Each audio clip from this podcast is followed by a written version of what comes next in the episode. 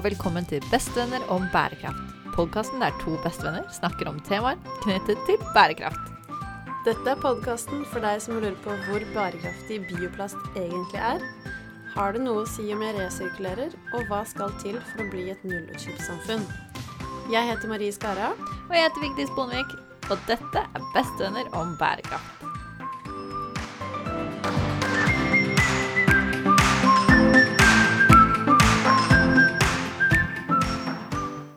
Hei, Vigdis. Hei, Marie. Åssen går det? Du, det går fint. Jeg eh, har eh, nettopp eh, kommet fra jobb, og nå er vi her i studio. Ja. Det er nok en spennende episode der vi har en ekstra bestevenn med oss i dag. Ja, Ja. og det er veldig spennende. Mm. Eh, dagens bestevenn har et stort engasjement for menneskerettigheter, sosial rettferdighet og likestilling. Hun har bl.a. startet sitt eget selskap som har produsert klær med mål om å skape anstendige arbeidsplasser for kvinner i India. Hun har vært nominert til DN 30 under 30, og i tillegg så har hun flere styreverv, bl.a. i Fairtrade. Og for tiden så jobber hun i EU med å rådgi norske selskaper på hvordan å ta tak i menneskerettigheter og arbeidsrettigheter i deres verdikjede. Velkommen, Cecilie Skjelsberg. Tusen hjertelig takk. Veldig hyggelig å være her. Så hyggelig å ha deg her. Vi har gledet oss masse til å snakke med deg.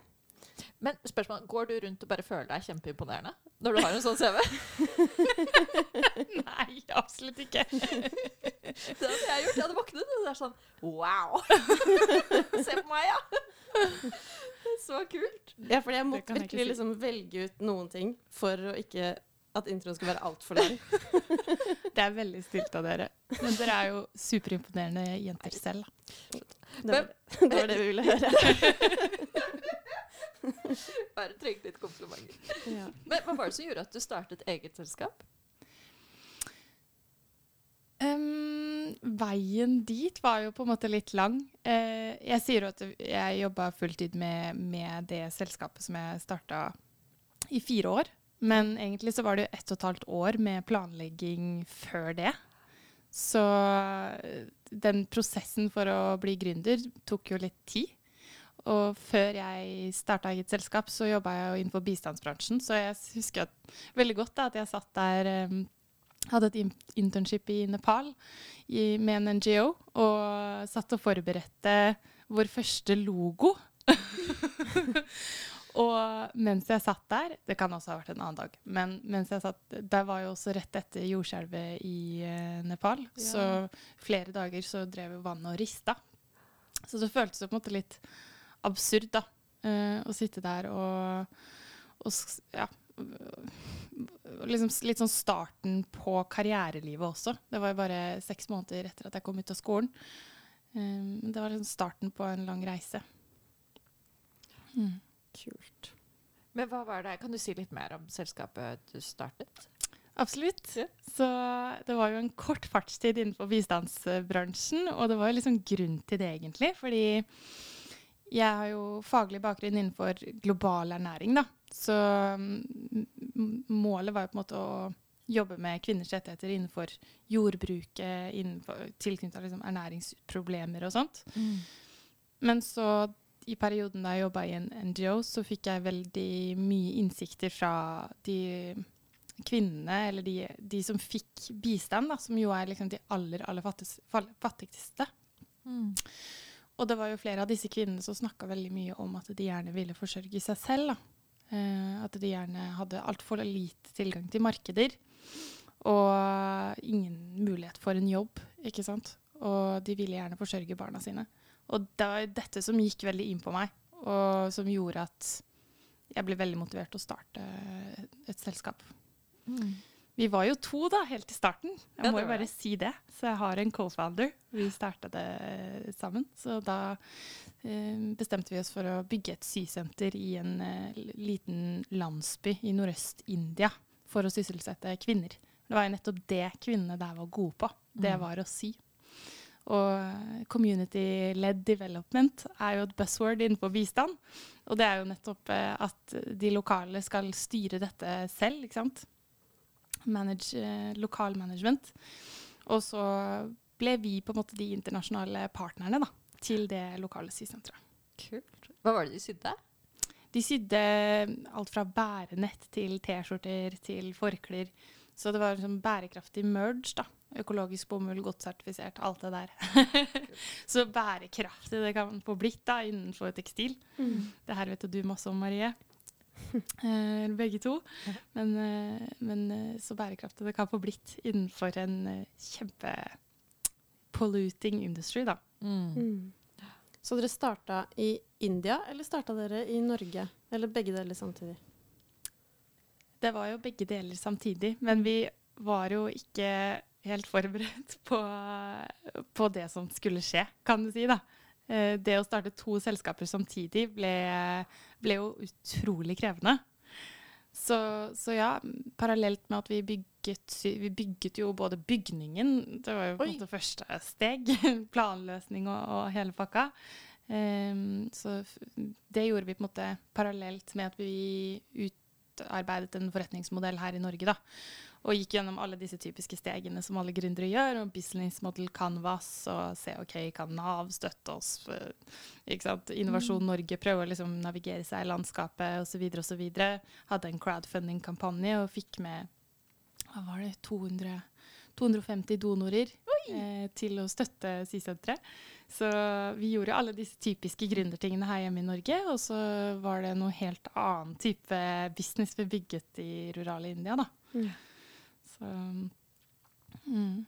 Veldig kult. Mm. Og hvordan, hvordan føler du at det har påvirket deg for jobben du gjør nå? Det å starte eget selskap og, og jobbe med det? Um, det svaret er jo langt uh, igjen, men så prøver å holde kort. Fordi da jeg drev Better Living på fulltid, da Nå har vi jo en litt sånn annen modell, men da vi drev med det på fulltid og var veldig mye i India, så hadde vi en veldig sånn nær relasjon til kvinnene. Eh, som, som fikk eh, jobb etter hvert. da, Og til teamet som jobba der. Og vi var jo veldig tett på impacten som vi skapte. Um, så det var sånn grasrotutvikling, ikke sant? Og, og liksom bottom up approach, da, som er sånn buzzword innenfor konsulent. eh, Ja. Men uh, i den jobben jeg har nå, så jobber jeg jo top down, da, på et vis. Ved å prøve å påvirke næringslivsledere til å flytte på en måte sine forretningsmodeller til å bli mer ansvarlige, da. Mm. Og det er liksom tungrodde, store selskaper også, også Mm. eh, som må endre sine interne styringssystemer for å ha liksom bedre kontroll da, på arbeidsforhold. Eh, det tar tid, og man er veldig distansert fra impacten man skaper. Men likevel så er jo det også utrolig motiverende, men på en ganske annen måte. Fordi du må på en måte bli Du må på en måte forstå Eller ha, ha liksom hele tiden i hodet at man påvirker gjennom bedre styring, da. Så ved at du på en måte har bedre styring helt på toppen, så vil jo det trickle down i alle ledd. Mm. Og jeg har jo sett noen eksempler på det. Um, for eksempel ett eksempel da, eh, som, som jeg har, er at vi, jeg jobbet med en internasjonal teprodusent. Og eh, så hadde da morselskapet, altså morselskapet helt på toppen, hadde jo da utviklet, utviklet eh, sånne kontrakter da, som skulle brukes ut mot alle leverandørene. Da snakker vi leverandørene helt ned på plantasjene, liksom, som plukket tebladene.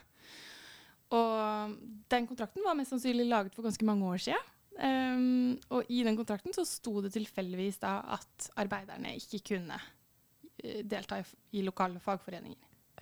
Oi. Um, og det var jo ikke noen som helt hadde styr på det. De hadde ikke helt kontroll over det. De, de, visste, de var ikke helt klar over det selv. Det var ikke noen som hadde tittet på de kontraktene på ganske mange år sikkert. Og, så de var med en gang bare sånn Ja, selvfølgelig, det fjerner vi jo. Ja. Tenk så utrolig stor påvirkning det har da, på Mm. flere titusener arbeidere, på en måte. Ah, shit. Ja. Men uh, hva var det som gjorde at du ble så opptatt av uh, menneskerettigheter, og spesielt kvinners rettigheter? Mm. Um, jeg har jo fått um, det spørsmålet en del ganger, så det letteste er på en måte bare være, å starte liksom fra, fra start, hvor det kom fra. Og jeg kommer jo fra Fredrikstad, som dere kanskje hører. Liksom snik, sniker inn noen dialekter inni her. Um, og i det skoleområdet som jeg gikk, da, så var det en del mobbing. Så det var jo flere av oss uh, elever som, som, fikk måte føle hvordan det var å være ekskludert. Og selv om det ikke nødvendigvis er måte diskriminering basert på kjønn, da, mm. så er det jo en form for eh, følelse av å stå på utsiden som satte seg veldig, veldig dypt i meg, da. Så og, og, selvfølgelig. Um, så da jeg var 16 år og begynte å engasjere meg litt i, i ulike ting Og jeg husker at jeg på en måte ble, var med på et, et et møte hvor det ble fortalt om en ung jente som hadde blitt voldtatt. da. Og det skulle være noe, noe fakkeltog. Mm. Og jeg husker på en måte litt at det var, det var, det var på en måte starten på mange ting. Um, fordi det gikk så inn på meg. Og etter det så var det akkurat som at no, det var liksom noen feministbriller som, som, var satt på. fordi da klarte jeg liksom Da så jeg det bare overalt, ikke sant? I alle samtaler med gutter på ungdomsskolen og videregående. Eh, videregående eh, på fester, hjemme Ja, plutte, ja plutselig var det overalt, da. Mm. Så det, det, var på en måte starten på det hele. Um, mm. Og så begynte jeg jo på en bachelorgrad i ernæring, altså ernæringsfysiologi. Litt sånn av andre grunner. Jeg drev mye med turn og har jo en matallergi, så jeg var liksom interessert i dette. Eh, men fant jo veldig fort ut at jeg på en måte lette etter liksom, kjønnskomponenten i mm. faget, da. Og, og, jeg fant det jo til slutt, da. Men ja. det var jo mot slutten, da jeg, jeg, kunne dra på utveksling til Tanzania og jobbe med, med kvinnehelse i et veldig lav um, uh, Ja, i et ruralt landsbysamfunn. Og det var jo sånn også jeg kom meg videre til, til masteren, da, som var innenfor liksom, global bistand. Mm. Uh, ja. ja. veldig spennende. Jeg skjønner hva du mener, når man liksom først har tatt på de brillene. Mm. Det gjelder jo også liksom ja, klima, ja. eh, plastikk Da klarer man ikke å slutte å se, se det. Det er nettopp det. Når du går forbi en klesbutikk sant, og bare ser klær liksom tett i tett i tett. Ja. Uff, ja. Men tenk så bra verden hadde vært hvis alle hadde tatt på seg de brillene. Ja, jeg har tenkt det. Ja. Men apropos, apropos klær, da. Eller forbruksvarer. Mm. Um, I fjor så ble åpenhetsloven innført. Yes. Den vet jeg at du kan masse om. Ja. hvorfor er den så viktig? Eller først, hva er det, og hvorfor er den så viktig? Ja. Um, så åpenhetsloven er en lov som trådte i kraft i fjor, juli. Eh, 1. juli. Og er da en lov som, som, forplikter næringslivet til å ivareta menneskerettigheter og arbeideres rettigheter i egen operasjon, men også i hele leverandørkjeden. Og hvorfor er den egentlig så viktig? Det er først og fremst fordi selskaper ikke har jobbet aktivt nok med dette. Mm. Selskaper har veldig mye utfordringer og har ikke tatt uh, på alvor. Mm. Og ja, med klima så ser vi jo f.eks. at mange selskaper har tatt, tatt det enda mer på alvor og på en måte iverksatt det uten at det er en lov. Men med menneskerettigheter i næringslivet så måtte det en lov til. Mm. Du ser de få selskapene som faktisk har gjort en hel del, er jo de som har vært i negativ eh, medieomtale, som HM f.eks. De har gjort veldig mye når det kommer til det rammeverket da, som ligger bak åpenhetsloven. Nettopp fordi de på en måte ikke hadde noe valg. Mens eh, nå kommer det et annet insentiv, da. Ikke sant? For hvis selskaper ikke gjør dette ordentlig, så blir de sanksjonert, og ganske kraftig sanksjonert også, da, fra Forbrukertilsynet. Altså, får de bøter, eller hvordan mm. ja. Og bøtene kan være ganske store. Mm. Så helt opp til 25, 000, 25 millioner. Um, avhengig av størrelse på selskapet, da. Ja, det er ganske mye. Så ja. Den, den er utrolig viktig. Mm. Mm. Men hva, hva, hva har det å si for norske selskaper? Hva må de, hva må de gjøre?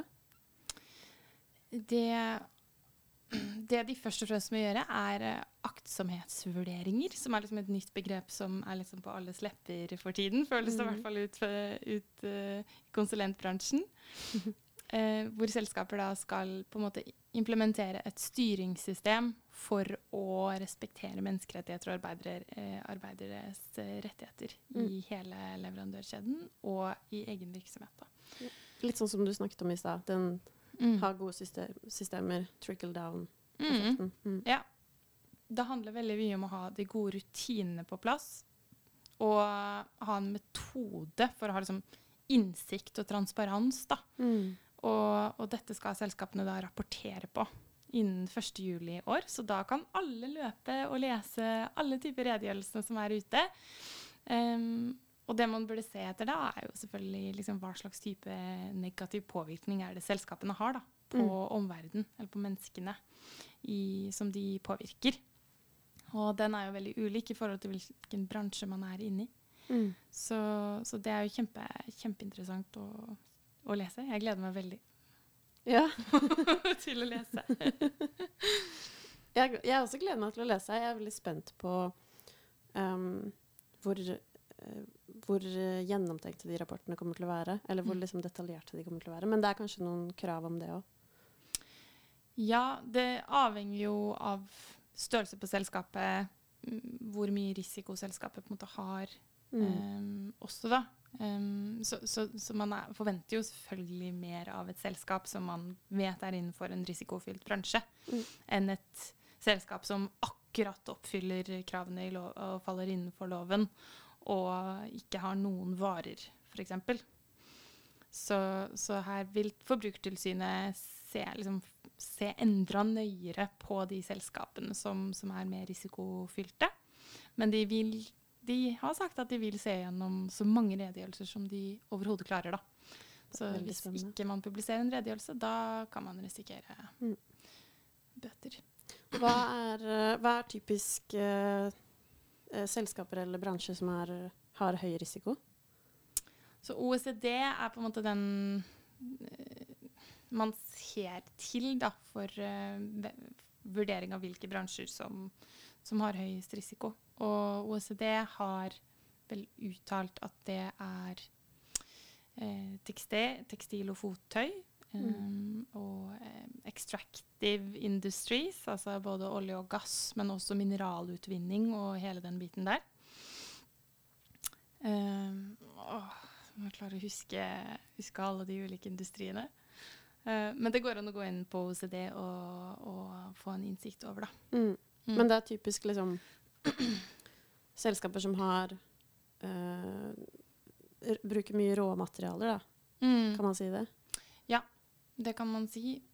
Og selvfølgelig Det her er ikke nødvendigvis sant for alle, men, alle industrier, men for mange industrier så er jo mye av risikoen langt tilbake i kjeden. Mm. Og, og det er jo nettopp det man ser på disse høyrisikoindustriene også, at man ikke har klart å håndtere da, den risikoen som f.eks. er på, på utvinning av mineraler fra gruver. Ikke sant? Du har jo kjempemye gruveutvinning både i Kina og i Afrika. Hvordan kan man som et norsk selskap ivareta eller ha innsikt, egentlig, da, Mm. i eh, arbeidsforholdene der nede? Og Mm. hvordan kan man ta det ansvaret? Så, så mye av det går jo på å på en måte gode At OECD kan gå ut og skape gode veiledere eh, på hvordan disse typer selskaper skal ha styring og kontroll. Da. Mm. Du har sagt litt om det nå, men kan du, kan du si litt om hva som er hovedutfordringene til, til norske selskaper i dag, når de jobber med, med menneskerettigheter? Mm. Jeg vil si Eller i hvert fall hvis man skal tenke på den nye åpenhetsloven, da.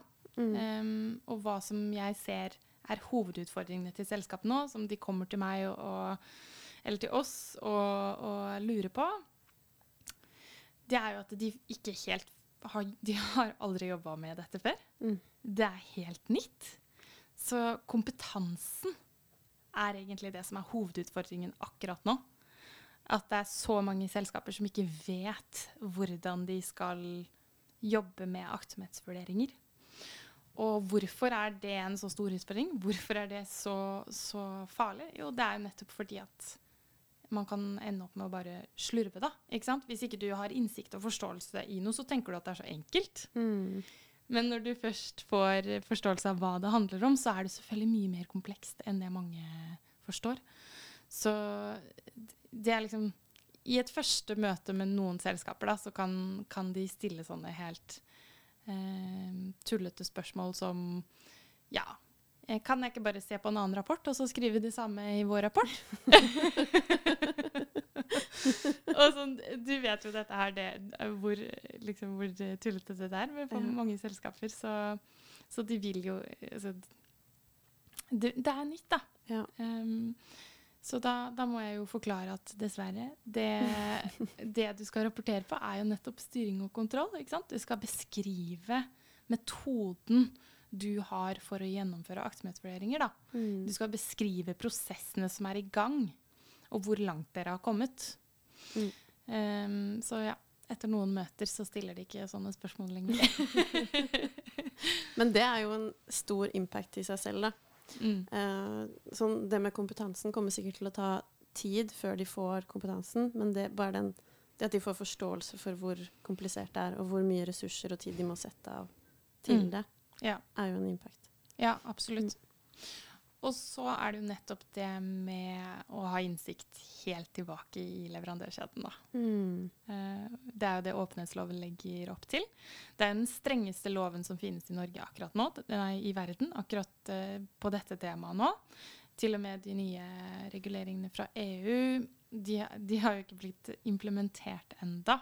Men, eh, men de, de vil nok forhåpentligvis legge seg på litt samme nivå. Men eh, de andre landene som har implementert lignende lover, sånn som Tyskland, eh, UK, Modern Slavery Act osv., er ikke like strenge som den norske loven.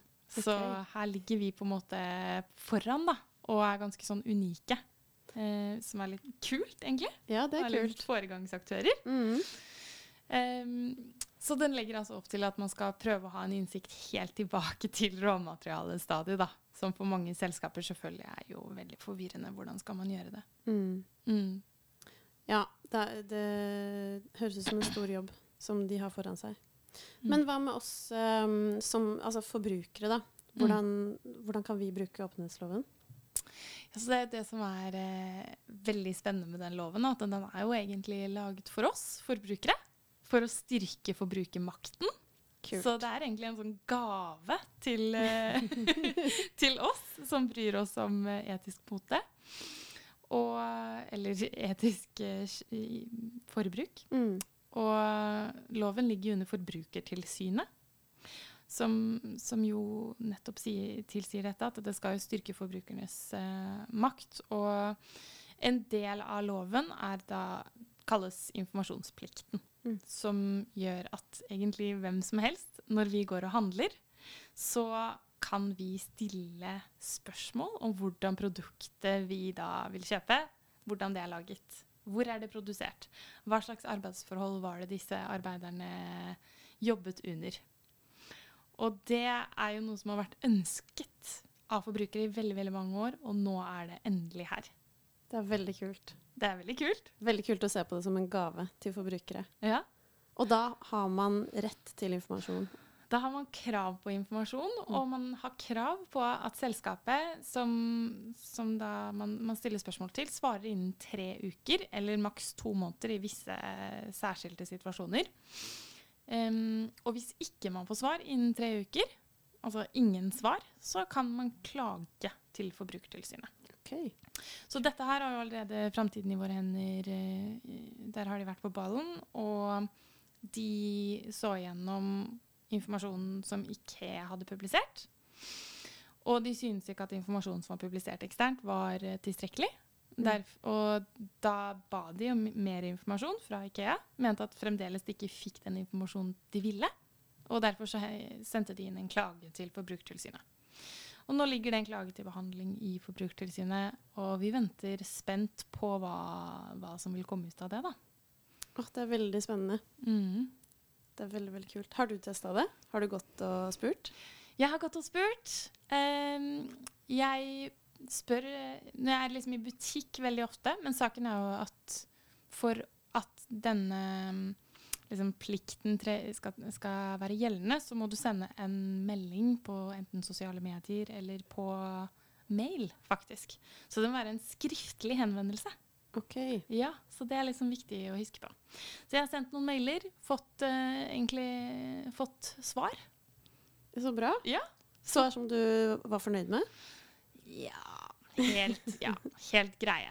Altså, jeg forventer jo enda bedre svar etter 1. juli, Mm. når eh, disse redegjørelsene skal være på plass. Og da vil jeg nok eh, ha litt større forventninger. Mm. Men hvis det er selskaper som ikke svarer i det hele tatt, det er vel i hvert fall de jeg ville klag, liksom klagd på i første omgang. Mm. Hvis jeg ikke fikk noe svar, og jeg ikke finner noe informasjon om åpenhetsloven på nettsiden, da, da vil jeg melde ifra. Ja. Mm. Veldig kult. Det har jeg også lyst til å teste. I hvert fall liksom med de, de produktene jeg liker, da. Mm. Er de egentlig så Altså, har de egentlig den kontrollen de, som jeg tror kanskje de har? Ja. Jeg og Vigdis hadde jo en episode om etisk forbruk. Ja. Og da, da snakket vi om å stemme med lommeboka.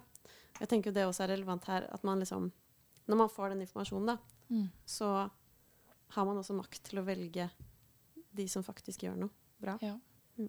Uten informasjon så kan man ikke vite. Nei, sant. sant? Mm. Det er jo noen ting man kan gjøre bare ved å se også. Eh, altså selvfølgelig ved å f.eks. se hvilket land produktet er produsert i. Ved å se på pris. Det her har sikkert dere gått gjennom da, i episoden deres. Hvis det er et veldig billig produkt, så kan man jo forvente at det er et fast fashion-selskap som Mm. som vi har mange av, H&M og Sara osv. Så, videre. Så kan man se på kvaliteten av materialet. Mm. Er det et eh, ordentlig godt, eh, god kvalitet? Er det sertifisert? Så noen sånne raske ting kan man gjøre. Men, eh, men nå kan man faktisk også ta en rask search på nettsiden. da. Mm. Finne informasjon om åpenhetsloven, eller da sende mail hvis man lurer på noe. Ja, det er veldig kult. Mm. Veldig, veldig kult. Um, hva er dine beste tips til lytterne for å kunne ha påvirkning på menneskerettigheter og sosial rettferdighet? Mitt, altså mitt aller beste tips ville være å ta i bruk forbrukermakten som man har nå. Um, faktisk, fram til nå så har det vært veldig få som har eh, tatt i bruk denne rettigheten som vi nå har. Da. mm. Det har vært veldig få henvendelser til selskapene.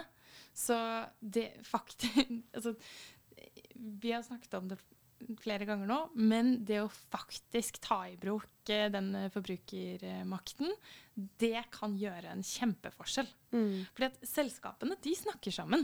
Ikke sant? De, de bruker eh, de samme konsulentene som oss i, i, i EU, og de, de hører da, ok, har dere fått noen henvendelser? Har dere fått noen henvendelser? Nei, vi har ikke fått noen henvendelser. Mm.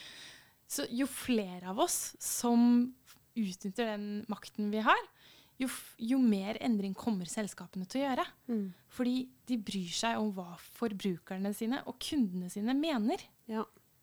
Det er så sant. Mm. Og det er så lett å føle seg som sånn Ja, men det har ikke noe å si hva jeg gjør. Nei. Men det har det. Det har det, Mm. og, og mer enn noen gang. Mm. Ikke sant? Det er derfor det heter åpenhetsloven. Det er jo fordi vi ønsker mer transparens i næringslivet. Og, og da skal forbrukere kunne ha mer tilgang på informasjon. Da. Det er nettopp derfor denne loven måte, er laget. Mm. Så ja, det vil være mitt aller største tips. Det er å, å ta i bruk den, den nye makten man nå sitter med. Veldig bra tips. Jeg skal i hvert fall gjøre det. Jeg skal uh, begynne å sende mailer. Mm. Uh, og gleder meg til å få svar. Uh, jeg tror vi må avslutte der. Vi skal runde av.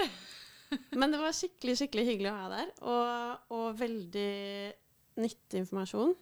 Jeg har lært masse, i hvert fall.